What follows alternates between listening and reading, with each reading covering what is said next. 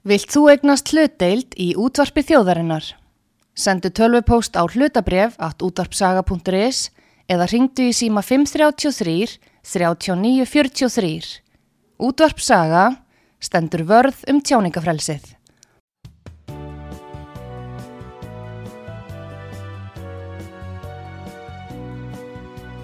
Sýteðis útvarpið á útvarpi sögu í umsjón Pétur Skunlökssonar.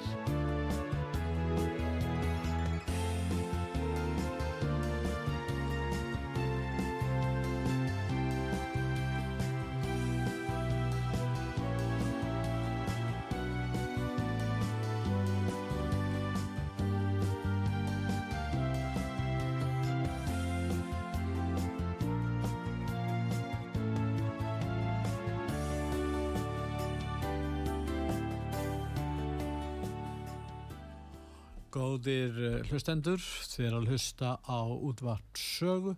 Ég heiti Pétur Gunnlaugsson og ég ætla að ræða við hann Viljám Birgisson. Viljámur er formaður verkalýtsfélags Akranis og formaður eh, starfsgreina sambandsins. Velkomin hérna, til okkar eh, Viljámur. Já, komdu með það Pétur. Nú, ef við ræðum um, um það sem er að gerast í sambandi við Kvalveiðibarnið svo kallaða, þú emdi nú til fundar á sínu tíma á Akranessi, nú Svandís hefur ekki búist við því vantalega að Kristján Lofsson heldi áfram kvalveiðum? Nei, ég held að það sé rétt mat hjá þau Pétur og ég byrja bara á þessu fundi sem við heldum á sínum tíma, það sem við gjössalega tróðfylltum þann fundarsal sem við buðum upp á og það var aldrei fleiri mætt á slíkan fund hjá okkur áður og mikil samstaða með, meðal okkar skagamanna, mikil þungi í, í, í fundinum og það er alveg rétt hjá þér. Ég held að matvalarraðara hafi ekki átt von á þessari mótspyrnu sem hún hefur fengið e, og auglöst haldið að hún kæmist upp með að e, ástunda hér ógeðfeld e, hérna vinnubröf því að það er allt sem bendir til þess eh, kakvað þeim lögspökingu sem hafa tjáðsum málið að hún hafi farið langt út fyrir rammalagana hvað varðar þessa ákvörðun sína. En ráðherran hefur nú ekki góða kosti í þessari stöðu núna. Uh, fyrsti september þá, þann fyrsta fyrst september þá allar Kristján að hefja kvalveðar og uh, þá er um tvo kosti á henni annarkvort að uh, framlengja þessum fresti og um, í samræmi við þennan fund sem varst að minnast á, ég fór nú ekki á fundin ég sá hann í sjónvarpunni og það var aðtiklisvert ég heyrði þingmenn og stöðningsmenn framsóknar og sjálfstæðisflokksins lofa því að taka á þessu banni og breyðast við því. Það gerist nú ekki neitt.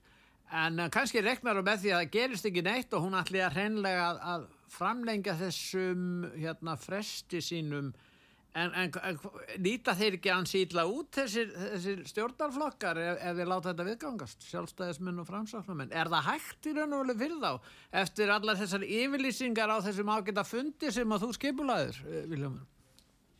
Nei, það er nákvæmlega þannig að ég tel þá ekki vera stætt á því einfallega vegna þess að það kom skýrt fram á þessu tiltekna fundi að bæði þingmenn sjálfstæðismanna og uh, framsóknarmanna að uh, þessi ákverðun uh, Svandísar Svavastóttur, matvalarráðverða, hún stæðist ekki skoðun, hún stæðist ekki stjórnsýslu lög og þar að leiðandi liggur fyrir að núna eftir að umbósmaður hefur sendt matvalarráðunitinu ítalega spurningar og það er mikill þungi í þeim spurningum sem að umbósmaður sendi matalar á þeirra þannig að það er eins og ég sagði áðan allt sem bendir til þess og sjálfstæðismenn og, og framsáknarflokkurinn hafa sagt að þetta sé að öllu líkindum ólöglega aðgerð þá geta þessi tveir flokkar ekki undir nokkru kringustæðum að mínu mati láti það raungerast aftur núna 1. september að hún framlengi þetta tímabunna bann því að það er eina sem að hún mun gera með slíkri ákvörðun er að hækka þá skadabóta kröfu sem kvalur mun klárlega uh, fara með fyrir dómstóla og, og knýja ríkið til ábyrðar í málunu. Því að ef að framsóknarflokkurinn og framsóknarflokkurinn eru inn á því að þetta sé ólögleg aðgerð matvalarháþara og ætla síðan að láta hann að komast upp með það og láta síðan domstóla dæma ríkisjóði til skadabótaskildu sem nefnir nokkru miljörðum króna. Að mínu mati ég held þetta muni þessi skadabótakrafa muni nefna nokkru miljörðum hvað ætla þá þessi tveir flokkar að segja ætla þeir að segja bara þegar verður búið að skella fram hér e, miljardakröfu á hendur ríkinu og, og domstóla búin að dæma ríki til greiðslu vegna þessara ólöglu uh, hérna ákvörðunar ætti að þá sjálfstaflokkurinn og frásóknarflokkurinn að segja bara sorry, e, þetta er bara allt í lægi, skattgreðindu borga. Nei, ég tel ábyrð þessara tveggja flokka mjög mikla í því að reyna að vinda ofan að þessu og lámarka þann skaða Eh, sem að nú þegar hefur orðið því að það er alveg ljóst að ef að veiðarna verða heimilegar 1. september að þá verður skadabóta krafan væntalega minni heldur en ella og verður nægilega há trátt fyrir það þó þeir fengju að fara á stað 1. september vegna þess að besti veiðitímin eh, er í júni, júli og ágúst. En Viljámur, nú er það þannig að eh, norðvestu kjördæmi, í norðvestu kjördæminu þá eru átta þingmenn og eh, það er að þrýr framsóknarmenn, tveir sjálfstæðismenn, eitt fyrir miðflokkin, eitt fyrir flokk fólksins, þá eru konning sjö. Þeir eru allir lindir því að veiða kvali, kvali þessi sjö þingmenn. Einn sem er fyrir vinstri græna, ég ætla ekki að fullira hvað hann vil, En það er náttúrulega ljóst að, að þingmennir í kjördæmi vilja þetta, þannig að þetta út frá svona pólitísku viðþorfi, þá vil staða ráðherrans vera algjörlega vonlaus, eða hvað? Hún er að mínum dómi algjörlega vonlaust og það er laug rétt. Það er þing meiruluti, það er þing meiruluti og alþing íslitinga fyrir að, fyrir kvalveiðum eh, að við nýtum okkar auðlindir að höfðu samráði við þá aðila sem að fara með uh, hérna uh, löggjafan í þeim málum eða, eða, eða, eða heimila uh, kóta eins og þessu tilvill er að Hafrónskunarstofnum sem gefur út kóta handa kvali sem að voru eitthvað 148 langreiðar fyrir þessa verðtíð og þetta er bara gert eftir vísendalegum hérna, hérna niðurstöðum.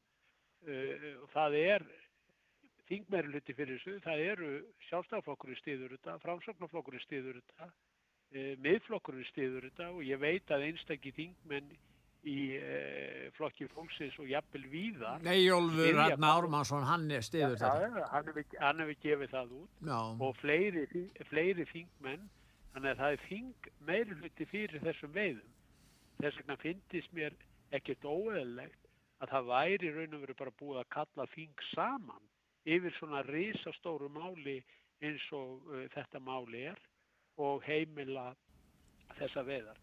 Ég hef fengið svona smá uh, svona spurningar varandi því okkur ég er ekki að berjast fyrir uh, strandveiði uh, hérna kallana.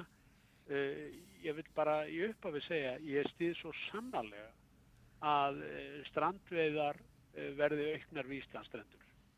Eh, það bara líkur algjörlega fyrir. Þetta eru vistvænar veiðar sem að strandveiðmenn er að e, ástunda. Þau, þau færa líf í hafnirnar vitt og breytt um, um, um, um landið. En það er ekki hægt að líka þessum tveimu málu saman vegna þess að í tilfelli strandveiðmanna á að gefin út hildarkoti og þegar hann var búinn þá voru veiðarna stoppaðar. Ég er sammála því að það hefði átt að auka þær en í tilfelli kvalviðimanna þá var gefin út kóti og þeir fengu ekki að veiða einasta kval. Það er mikill munur á þessum tveimur þáttum en ég stið hins vegar strandviðum en heilsugar í því að heildar þakkið sem að er, sem er 5,3% af heildarabla e, þóskabla, að það verði hækkað þannig að þeir fái að stunda, stunda hérna strandveiðir með, með e, frekari hætti heldur verið hefur.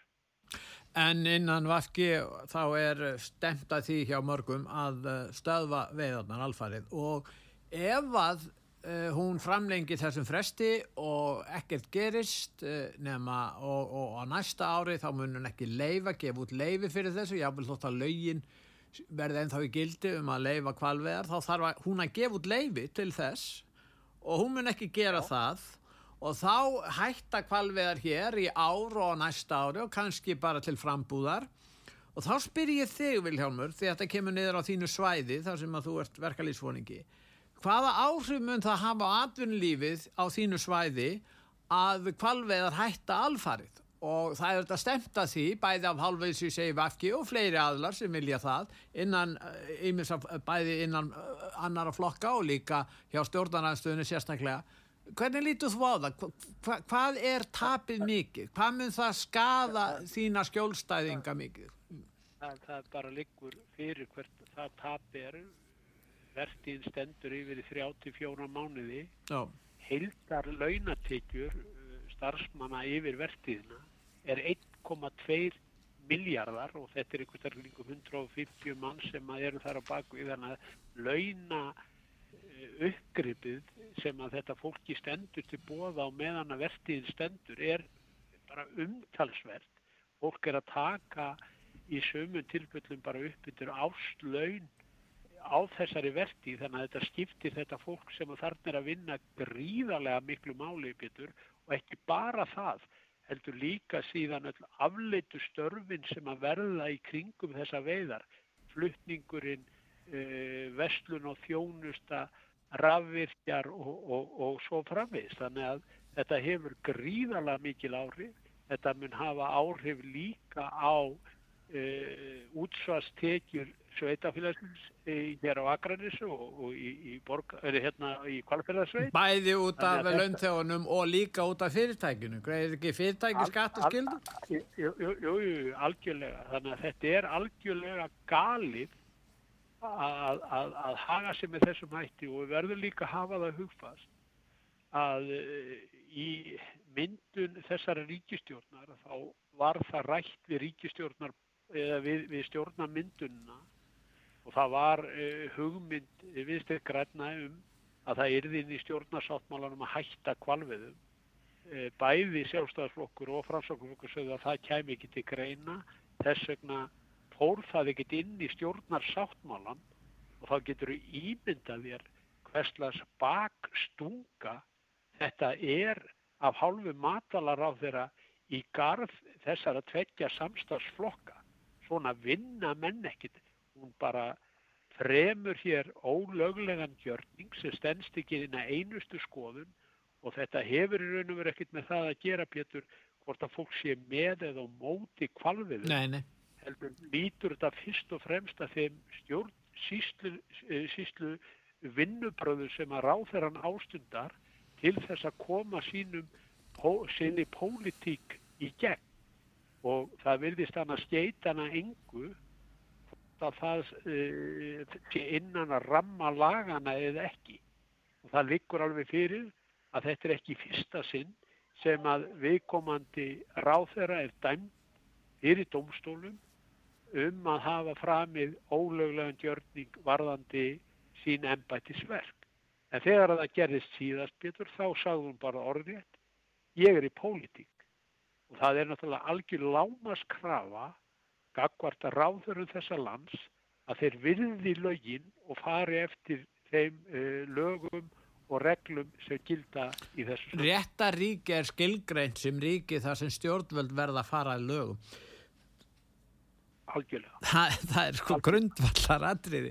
Það er grundvallar atriði. Sko við hinn verðum að fara að lögu það, er ekkert að deilum það, en, en það er sumstaðar þar sem að, að stjórnvöld koma sér hjá því að þurfa að lúta lögum, en það sem enkenni vestræn réttaríki, að minnskostu hugsunin var svo og hefur verið svo að allir og líka stjórnvöld, líka ráðherrar, allir aðnar verða að lúta fyrirmælum lagana og, og ef þeir gera það ekki nú þá höfum við ekki lengur réttaríki þá höfum við kerfi þar sem að menn segja, já ég er bara í stjórnmálum, pólitíki mín er heilög, stefna mín, stefna vafki er heilög og þess vegna verðum að víkja til hliðar og sniðganga laugin og halda áfram að fullum krafti með að koma á þessu kerfi sem þá dreymir um.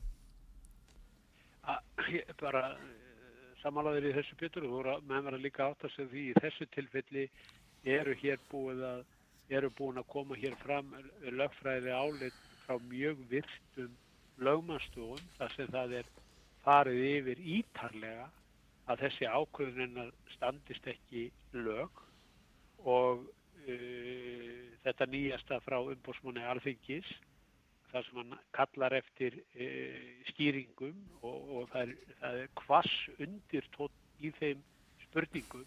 Þannig að ég segi bara stutt og laggóð ef það raungerist að máli fari fyrir domstóla og ákverðun matvalar þeirra verði dæmt e, e, ólögleg þá trúi ég bara ekki öðru heldur en að viðkomandi ráð þeirra tæki bókasinn og, og viki eða þá, eða ef að það verður nýðustada umbósmanns alþingis þegar að e, matvalarraðundi skilar e, svörum til umbósmann sem á að vera núna síðasta lagi 15. ágúst og ef að umbóstmaður verður fljótur að svara e, komi, eða komi niðurstöðu eftir að þau svör hafa borist ef að það er því niðurstöðu umbóstmaður að hér hafi ekki verið farið eftir stjórnsýslulögum og gæta andmálarétti og, og, og, og ráður hafi ekki sitt sinni rannsóknarskildu eins og henni ber að gera þá held ég líki alveg fyrir að það verði lagt vantrust á ráþeran. Það var gert kakvart Jóni Gunnarsinni þegar að síðan komi ljós að hann hefði reyndar ekki framinn lögbróti, þetta var, var ef ég mann þetta rétt varandi rafbísunar, það kom síðan í ljós að hann hefði ekki framinn einn ein lögbrót, en ef það kemur fram í þessu máli að hún hafi framinn lögbrót, að mati umbósmanns, ekki fara eftir þinn leikreglum sem gilda, varandi svona sem hún hefur ekki gert menna við sem, hefur, sem við vitum það. Og, og hvað ætlar ráðarinn að gera? Og hvað ætlar það verður fróðlegt að fylgjast með samfélkingunni og og stjórnbæranstöðunni já, já. stjórnbæranstöðunni þegar e, þegar og ef vantrust til að verður lög fram á hana. Hvað ætlar þeir að gera vegna þess að því ég veit að samfélkingin er á móti kvalviðum Og af hverju eru þeir á móti kvalviðum? Ég held að það sé fyrst og fremst vegna þess að það er eitt af stóru kröfum ESB. Það er bannu við kvalviðum. Já, það er rétt. Til að, til að, við göngum, við göngum ekki í Evrópussamband, þess að mun viðreist líka stiðja sennilega ráð þeirra, vegna þess að við göngum ekki í Evrópussambandi nema banna kvalviðum. En það er, eitt, það er eitt í þessu, Viljámur. Nú, þetta er ekki svona einfalt, þetta er ekki engamál í raun og verið Svandísar Svavastóttur því að fósítisráþurann, Katrín Jakobsdóttir, hefur líst stuð yfir stuðningi við ákvörðu Svandísar. Þannig að þetta er orðið miklu alvarleira mál heldur en spurningum vantraus gegn matválaráþurinn. Já, það má, það má alveg uh, hérna segja það, Pétur, vegna þess að það kom síðan fram þegar að DFF sendi spurningar á fórsættisraðanetið varðandi e, e, þessa reglugjörðabreitingu þá spurði e, DFF e, ráðanetið, nei hérna fórsættisraðanetið af því hvort að þau höfðu haft vittnesku um þessa ákverðun svandisar áður nú var kynnt inn í ríkistjórn og líka hvort hún stitti þessa ákverðun. Það sem kom fram í svari fórstæðisraðura var að Svandís hafi tilkynnt fórstæðisraðura sólaring áður en þessi uh, ríkistjóðanfundur var að hún hefðist uh, kynna uh, bann við kvalveðum tímabundið og það kom líka fram í svari fórstæðisraðura að hún stitti þessa ákverðun matvalarraðara hilsugar. Já. Þannig að það er alveg rétt hjá þeir að, að Þetta er miklu alvarlegra mál, þetta er snýst ekkert bara um svandísi sem eins og þú bendir réttil á hefur brotið áður lög. En, en nú, er, nú, nú verður fósittisáður að standa með henni eftir þetta og þá munir aðri ráðherrar, hann hérna eða hinn ráðherran, þriði ráðherran og líka auðvitað þingmenninir þingliðið mun standa með, hérna, með Svandísi í þessu máli ekki síst vegna þess að eh, þeir hafa farið illa út úr kannunum og fylgi hefur farið minkandi en þeir higgjast ná í þá það fylgi sem er á móti kvalveðin sem er stór hópur á Íslandi og er í ýmsum öðrum flokkum. Þannig að út frá sjónamiði Svandísar þá er það ekki óskynsalegt að segja ég er í pólitík þess vegna er ég að reyna að bjarga stöðu vinstigrætna sem er flokkur sem berst gegn kvalveðum og er umhverfisvendarflokkur nummer 1, 2 og 3 Já, sko, en að, brjó, en að brjóta stjórnarskrána, brjóta stjórnarskrána Já. sem að lítur að aflunu frelsi Mm, e, hérna einstaklinga og fyrirtækja með þessum hætti mm. án þess að veita fólki andmælarétti eða kanna hvaða áhrif þessi ákvörðun hefur á til dæmis bara starfsmennina, hvaða áhrif hefur þetta á uh, hérna á, á lífsafkomi þeirra sem voru búin að bóða sér til vinnu og sumir hverjir voru mættir uh, það var ekkit rannsakað. Hún, hún syndi ekki sinni rannsóknar skýslu uh, skildu eins og hveði er áum í, í lögunum og það er eina af þeim spurningu sem að umbóðsmaður er að uh, óska eftir að fá svar við. Þannig að þetta mál er bara hið ótrúlegasta Nú er hún Ég með sérfræðinga í löffræði í ráðneitinu og hvað sögðu þessi sérfræðingar, löffræðingarnir við hana út af þessu máli? Nú það verður, sko það liggja fyrir minnisblöð og, og í okkar stjórnanfrangvænd í stjórnsýslunni þá hefur það ekki verið nægilega upplýst hvað stendur í þessu minnisblöð. Þau eiga að vera ofinbyr, við eigum að fá aðgang að þessu og það hljóta að hafa komið fram eh, hérna sjónamið og rök sérfræðingarna þar á meðal júristana í ráðneitunu. En hvað hafa þeir sagt?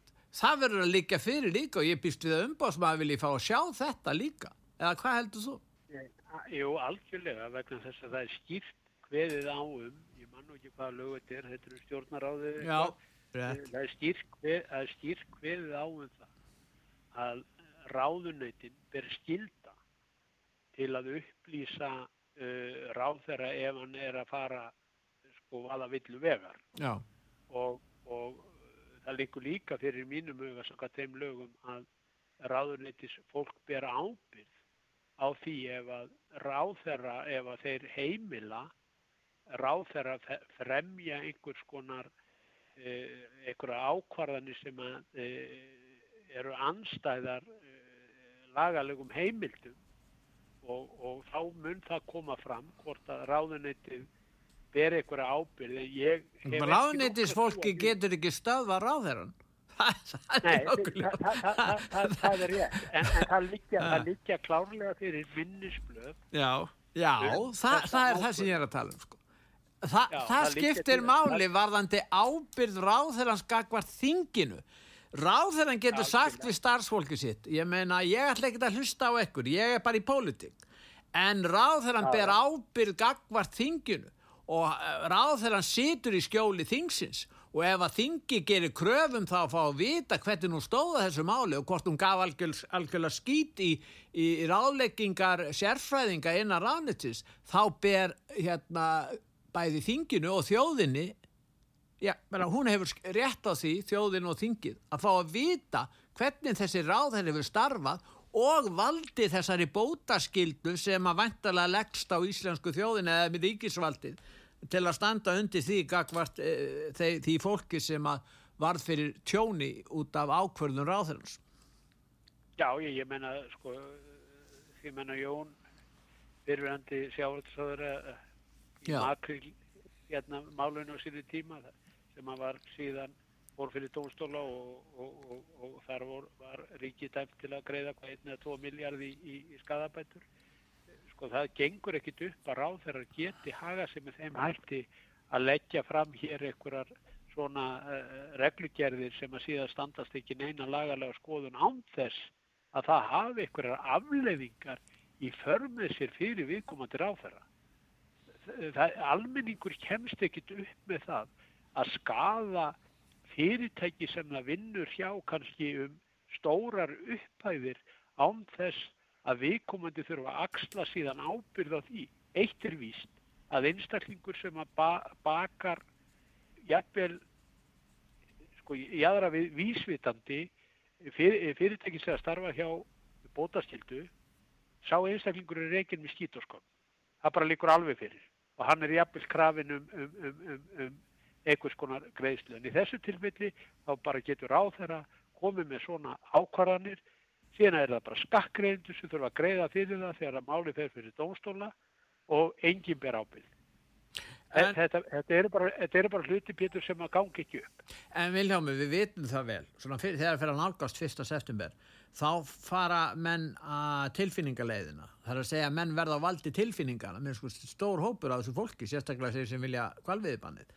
Þannig að umræða mun vera á þeim grundvelli, hún fer fram á grundvelli tilfinningana, það er að segja að það verður fyrst og fremst rætt um þær aðferðir sem eru notaði til að aflífa dýrin.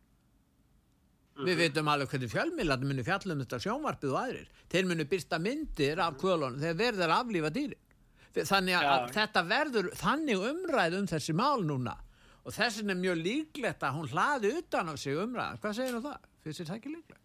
Já, ég menna þetta gerðist bara þegar að, þegar að, þegar að e, hérna, e, nefndin kom saman á vegum alþingis og var að ræða þar sem ráður að satt fyrir svörum þá byrjaði matvalar á að sína e, þetta versta tilfellið sem var við aflifin e, hérna á einu dýrinu en hún var ekkert að sína hinn 60% þar sem að viðkomandi dýr sko uh, hérna lést í fyrsta skoti. Í veiðum á viltum dýrum verða alltaf einhver frávik. Ég er ekki til neinu vafa um það að kvalur vill vanda sig við þessar veiðar og reyna að framkvæma uh, veiðarna með þeim hætti að dýrin látist samstundis í uh, annari rannsók sem var gerð 2014 þá varum 80% dýrana sem lést við fyrsta skot oh. En 20% þurftu, þurftu tvö þannig að, þannig að, að, en, en það verða alltaf frávik og, og, og ég veit að kvalur og, og starfsmenn kvalskipana eru að leggja sér líma við að vanda sér við að, að e, lámarka þessi frá. Ef við leifum Viljámur veiðar á viltum dýrum þá áhjákvæmilega lítur þetta að gera, geta gerst? Ja, hvað heldur þú að séu margar gæsir á gæsamönnum sem að e, liggja í skurði og þegar það koma í aðflugi og þá eru teknar upp vissur og skotið alveg eins og yngir sem morgundagurinn. Hvað heldur séu margar gæsir sem að fljúa í burtu sem síðan hafa það ekki af e, hérna ná að fljúa burtu en, en, en, en drepast innan einhverja klukkutíma? Þetta er, þetta er bara eðli þess þegar að um veiðar og viltum dýrum er um að ræða. Þú nærð aldrei að aflífa E, dýr 100% í, í, í, fyrsta skoti því miður þótt að allir vilji reyna að e, það raungerist. En þá er það bara einfallega þannig að er, ég held að það sé bara lífsins ómögulegt Já, en þú veist að við þegar áróðsvélinn fer á stað og, og núna já, já.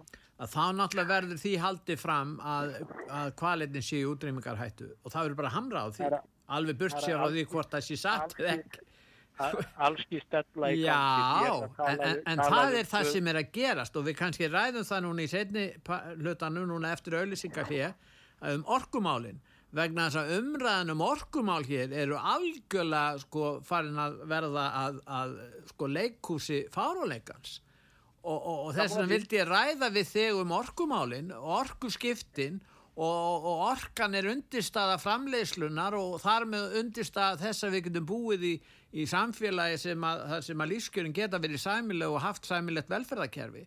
Þetta er allt saman svo nöðsilegt en umræðan hún er gjörsanlega allt önnur í dag út af þessum áróðum smætti sumra abla hér í samfélagi. Samanlega. Við skulum núna hlýða á öllisingar, Vilhelmur og er að hlusta útvart sögu, ég heiti Pétur Gunnlaugsson og ég er að ræða við hann Vilhjám Birgisson, formann verkalýtsfélags Akranes og við ætlum að hlýða á auðlisingar og eftir auðlisingarlið þá höldum við umræðinu áfram.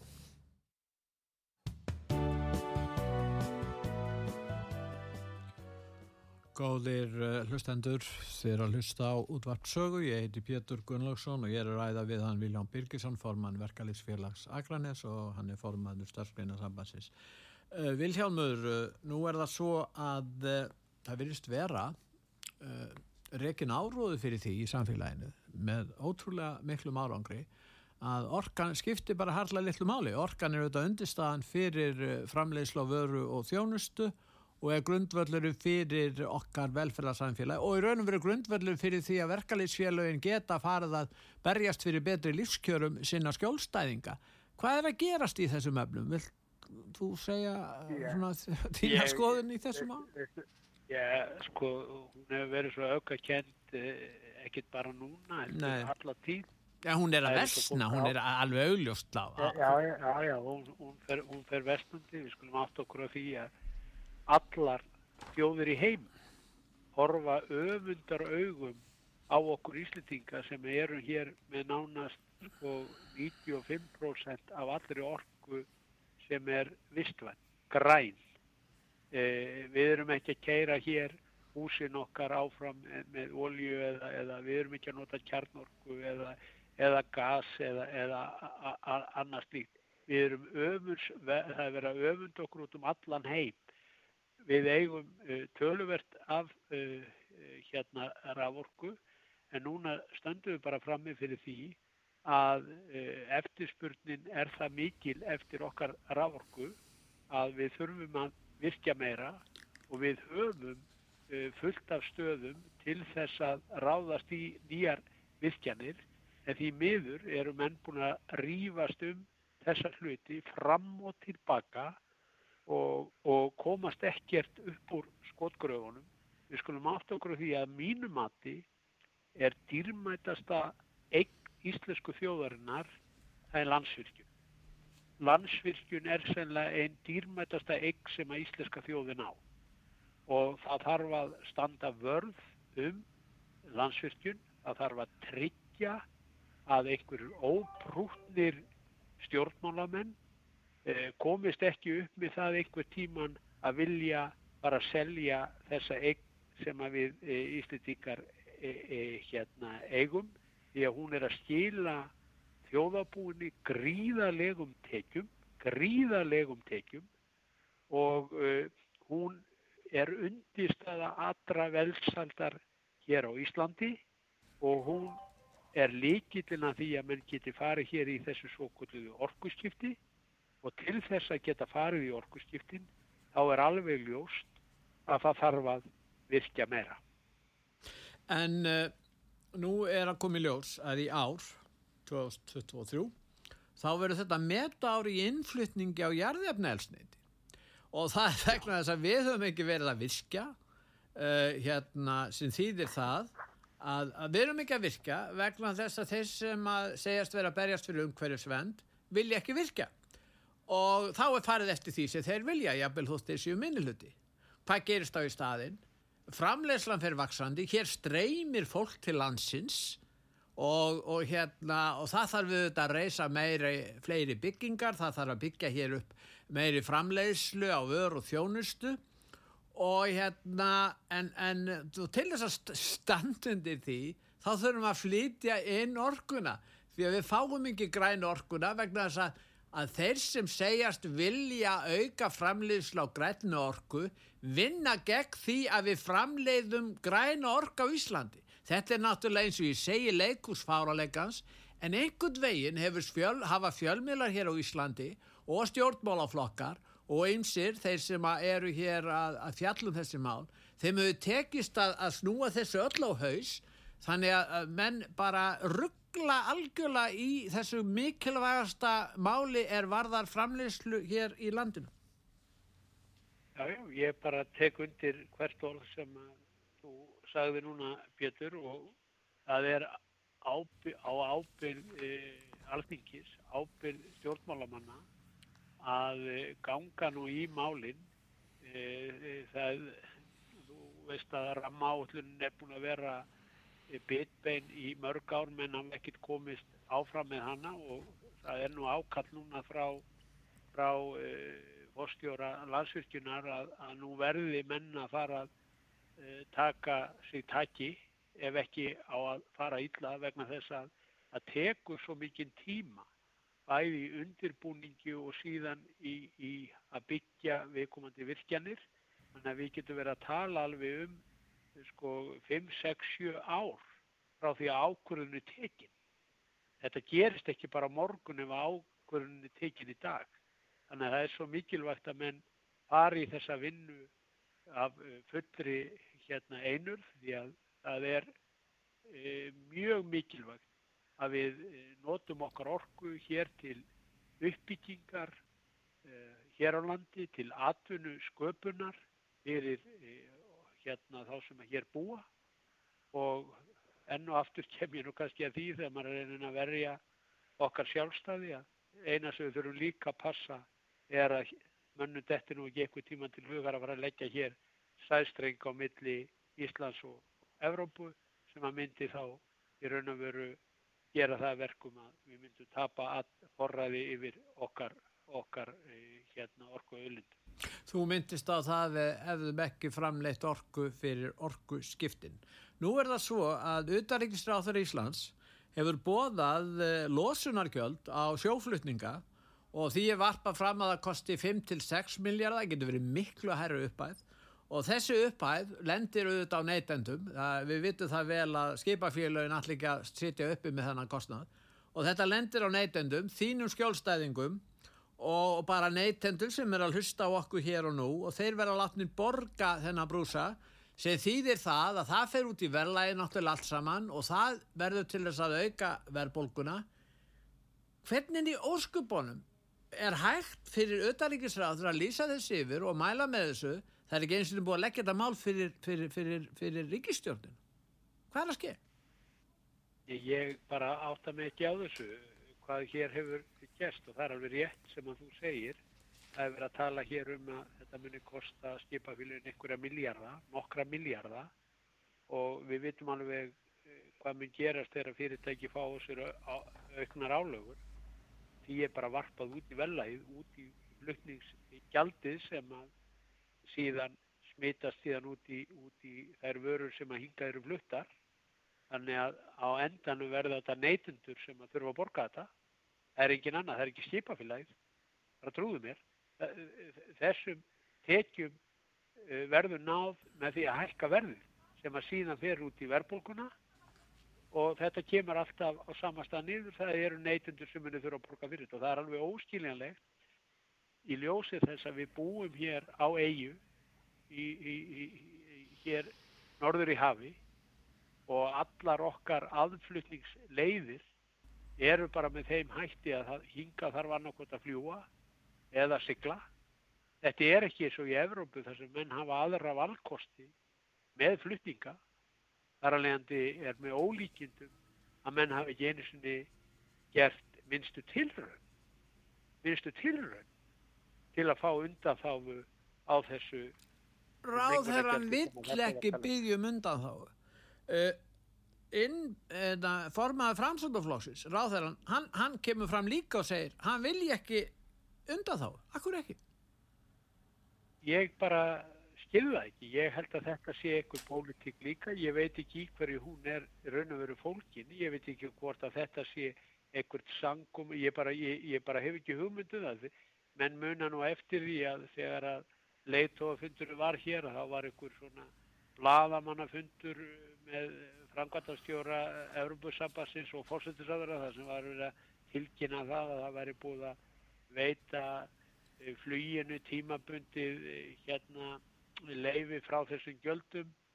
Og ég veit ekki hvort að það hafi verið inn í e, þeim díl að það eru þá ekkert gert með skipafylgin ég bara hef ekki hugmynduð um það. En ég finnst þetta mjög undarlegt að, að, að stjórnvöld skuli ekki beita sér fyrir því að, að komi vekk fyrir það að hér leggist miljardar auknar álögur á neytundur. Ég segi neytundur, ég segi ekki á skipafílinn, heldur neytundur, því að það verða neytundur sem þurfa að borga þetta og það mun síðan smitast út í velæg. En skýringin er eiginlega held í augljós vegna þess að við störfum sangat áallun Evrópusambansins í orkumálum Já, en já, ekki já, sangat áallun fjálstæðs Íslands samfélags sem að hugsa um hagsmunni Íslands fyrst og fremst. Þess vegna þóra þessi ráðherrar og segja við ætlum ekki að byggja um undan þáu og móðga Evrópusambandi, við ætlum að fylgja áallun Evrópusambansins og Parísasamkomulagsins jafnvel þótt að það skaði hagsmunni Íslands. Algjörlega, algjörlega. Ég, ég bara tek undir það með þér. Ég, þetta verðist vera orðin, sko þetta Evrópusambansi gegnum, gegnum ES-samningin hjá okkur, þetta verðist bara koma á færibandi, jössanlega á færibandi allskins eh, lög og reglugerðir sem við þurfum að taka upp hér, sem að kosta okkur eh, oft á tíðum gríðarlega, eh, þurfum að færa mikla fórnir fyrir því og mér finnst eh, stjórnvöld bara hreinlega ekki standa sér nægilega vel í því að standa vörðum íslenska hagsmunni en það er sérstaða okkar íslendinga gríðarlega mikil bara út frá uh, landfræðilegu legu eh, landsins. Ég veit ekki til þess að þegar við samþyktum aðild okkar að Evróska efnarsvæðinu að við værum að gangin í orkukerfi Evrópu. Það var alls ekki. Mér er þess að Jón Baldvin Hannibalsson sem samti reyndar þennan samning um Evróska efnarsvæði á samt uh, hérna, uh, sérfræðingum í, í utaríkisræðundinu þegar hann var utaríkisræðura. Hann hefur sagt það að þetta orku stefna á áallun Evrópusambansins væri ekki hluti af samningu okkar um Evróska efnarsvæði. Engar síður þá tala stjórnmálamenn núna eins og þetta sé hluti af þeirra áallun og það sem meira er út af þessari skattin, þetta er ekkert annað en skattur. Þetta er ekkert annað en losunagjald er ekkert annað en skattur.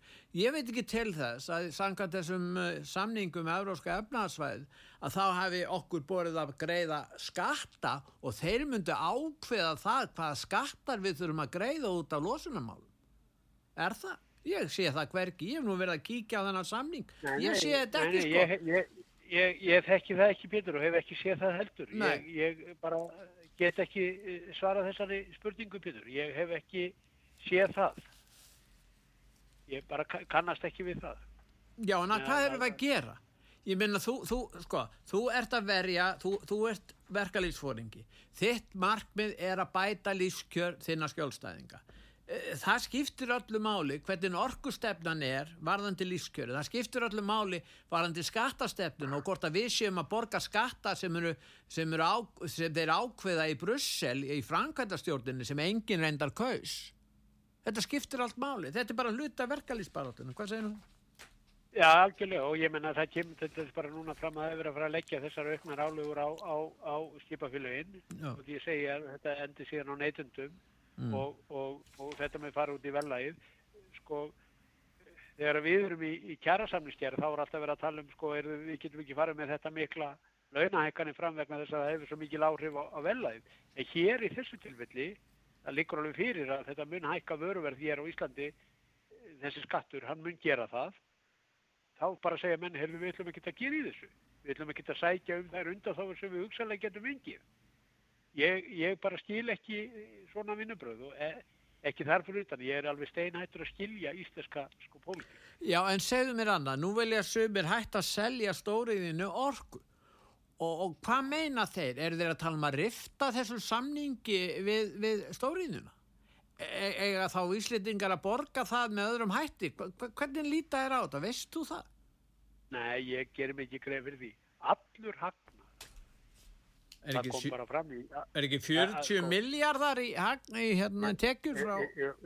Jú, jú, bara Norðurál greiti 40 miljardar fyrir rávorkuna 2020 og hugsaði þvæluna sem er búið að vera í íslensku samfélagi þar sem hefur verið talað um að sé verið að gefa rávorkuna 40 miljardar Bara frá þessu fyrirtæk? bara frá þessu fyrirtæki. Þannig að sko þetta er svo mikil mikil della. Síðan í ofanalag skapar þetta hér 700 manns vinnu og, og margvettis áhrifin sem þetta hefur fyrir svæðið hjá okkur bara í, í vestli sko, það sem að Norðurál er að vestla hér að fyrirtækjunum og kaupa þjónustu þetta eru, þetta eru miljardar Þannig að ef að þessi fyrirtæki myndu fara þá er ég nú hrættur um að við vestlendingar nánast í heilsinni getum slögt hérna, hérna ljósin. Já, Ég segi tapið sem fylgir því að berjast gegn vassafsvirkjunum. Ég meina vassafsvirkjani þegar búið er að greiða þeir upp þá er þetta næsta sem, sem getur kallast eilíðavél. Ég meina það er bara Þetta er eiliða vel og sjáðu, Pétur Mannsdóttir látanum yfir jú. Mannsdóttir látanum yfir, yfir því. Já. Það var allt brjálað, Mm. allt brjálað. Í fyrsta lagi, það voru ekkert margir sem að uh, höfðu nú komið upp á Káranjúka. En Mm. núna, en núna, liggur þanga bara tölumurðu ströymur fólks vegna þess. Og túristarnir Að líka, túristarnir koma. Já, já að skoða, skoða þetta svæði Mm. eh, ef ég, eh, ég held ég farið rétt með að það sé nánast búið að borga Káranjúkavirkjun upp og hverjir hafa borgað upp? Jú, það er fyrirtæki sem heitir Fjarðarál vegna þess að svo orka sem þar er að langsæðstu hluta hún fer til Fjarðaráls og Fjarðarál er búið að borga þessa virkjun upp hefðum, dýrustu framkvæmt Íslands sögunar og við hefðum aldrei ráðist í þessa framkvæmt nema vegna þess að við vorum með tryggan og örugan kaupanda af þessari orku. og þessum fengið lán til að reysa virkjunna á grundvelli samnings við stóriðjuna. Það hefur alltaf verið þannig. Nákvæmlega, ná, nákvæmlega og, og svo það sem fólk áttar sig heldur ekki á að ef stóriða nýtt ekki við þá byggjum við landsmenn ekki við það raforku öryggi sem við búum við í dag. Það liggur algjörlega fyrir því að öll þessi uppbygging landsvirkjunar hún byggist í kringum stóriðina. Landsvirkjun verður stopnuð eiginlega á sama tíma og, og hérna álverið í Strömsík er, er hérna sett á laginnar. Landsvirkjun verður þá til. Já, Þannig en, að það er mikil, mikilvægt að bara fólk átti sig á mikilvægi stóriðunar og, og en auðvitað þurfum við alltaf að passa okkur Pétur að vera með okkar gjalderis aflandi greinar sem fjölbreytti legastar þannig að, þannig að, að þegar e, e, gefur á bátin í einni greina það sé þá aðrar sem að haldi, hal- haldi þá gjalderisöflunni til staðar alveg svo þegar að gerðist e, í COVID þegar að bara þurrkaðist út hérna 500 miljard, 500-600 miljardar í, í ferðamannatekjum, það bara þurrkaðist út. Stóriðan helt áfram þetta er því, sjávarúturinn helt áfram. Þess vegna er svo mikilvægt að við séum með margar öflugar e, gjaldiriskapandi greinar. Því að með gjaldiristekkjum með gjaldiriskapandi fyrirtækjum það eru greinandar sem halda íslensku velferðarkerfi uppi en þessu... það er ekki, það það er ekki opibér störf. Þetta eru störf sem skapa e, vörur sem við náum að selja ellendis og fáum tekjur tilbaka. En, en þau öll sem vinna gegn vassalpsvirkunum er að vinna skemdaverk á íslenska hagkerfinu gegn lífskjörum fólksins í landinu. Því að það þýðir minni framleiðsla, minni græn framleiðsla og, og, og hérna, þetta skapar hérna, orkuskort sem þýðir minna og veikara velferðarkerfi. Þa, það, það er ekki hægt að neyta þessu.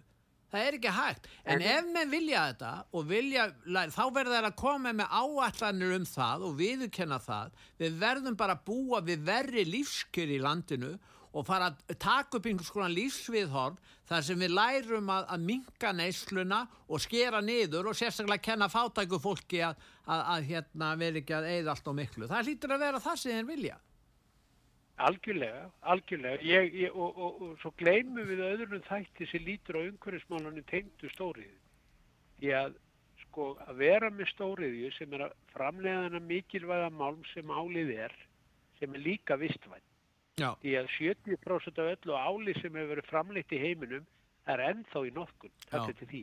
Já, Og, og að við Íslendingar getum framleitt ál með vistvætni orku, það er hér að, e, ég, ég fullir það, það er eitt okkar stæðsta framlag til umhverfismála vegna þess að Kína þeir keira sín álver áfram á olju Og kólum, segðu.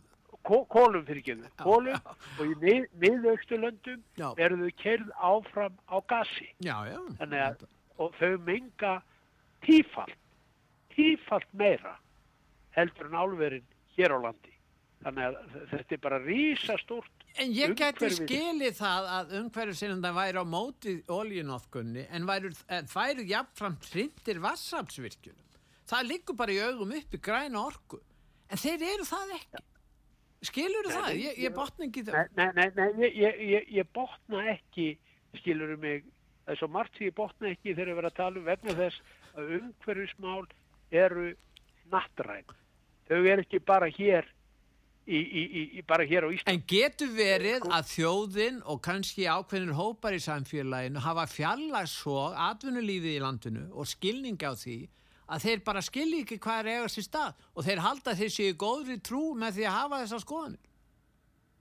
Ég, ég, eh, sko, ég held að sé bara fullt af fólki sem að kannski starfar e, ekki við gjaldurisöfun, starfar kannski hjá hennu ofinbera og heldur jafnvel að sko peningarnir verði bara einhvern veginn til. Þeir áttu sig ekki á því að, að e, velferðarkerfið okkar, ofinberu störfin og allt, allt sem við gerum hér, hér á landi, það byggist upp á því að framleiða. á Framleiða- umfram framleiðslan sem að þessir atvinnuskapandi uh, greinar og gjaldirisaflandi greinar uh, framleiða umfram framleiðslan er notu til að halda upp í velferðarkerfun það er ekkert öðru Akkurat. Og, og, og til að geta haldið út í ofinbæri þjónustu því að Já. við áttum okkur á því hvað gerðist til dæmis fyrir austan, hvað gerðist þegar að fjarðarál kom. Það, það, það bara var algjör viðsnúningur í þeim bæjarfélögum sem eru þarna í kringum vesmiðum. Hún er bara, hún er lífæðin fyrir austan núna. Þannig að þetta, þetta bara, maður, maður skilur oft ekki e, tal e, hjá sömu fólki því að við lifum ekki á loftinu því að öll samfélög alveg sama hvar þau eru statt í heiminum að byggist upp á því að framleiða skapa gjaldiristekju fyrir sína þjóð. Og framleiðslan byggir á orku. Hún byggist á orku algjörlega, Já, Það er- algjörlega. þú, þú getur ekki framleitt neitt nema að hafa orku Takk, veltu einu fyrir þér að við skulum ekki vera búin að uh, ganga þannig frá því að við getum tekið skemmtifæraskipin þegar þau koma hinga og stungið við samband við landramann Hvað vilja að menn, vilja menn bara orkuna sem mennirni framleiða sjálfur eins og í þrælahaldi? Ég veit ekki hvað þeir eru að Já, hugsa. ég- Nei, ég botnaði þetta ekki betur með. Við erum alveg skoðanabræður í þessu. Ég get alveg sagt þér það og nú. En eh, já, að lokum, hvað viltu segja um þetta í sambandi við eh, það sem auðaríkisráð þeirra er að gera? Viltu hafa skoðun á því og Já, ég bara uh, finnst afskaplega undarlegt uh, máttleysi uh, hérna sá þeirra í þessu málu og ég vil líka bara segja, skulum alveg átt okkur því að hún er líka fyrsti þingmaður já, norvestu kjördæmis fyrir sjálfstæðsmenn í þínu kjördæmi? í mínu kjördæmi, mér finnst hún til dæmis í kvalamálinu hafa verið bara algjörlega líð ónýtt í því máli Það hefur ekkert heyrst í hef, henni um það. ég, hef ekki, nei, ég hef ekki teirt í henni. Það hefur verið Jón Gunnarsson og Teitur Björn.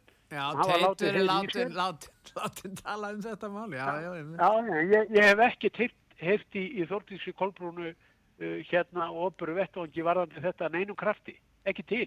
Samt er þetta hennar kjördæmi. Já, já. Já, já, við verðum að ljúka þessu. Ég vil þakka þið fyrir, Vilhjálmur, og tala við okkur um þessi mál. Það takk. Þakka þið fyrir og ég þakka hlustendum út var sögu fyrir að hlusta. Verið þið sæl.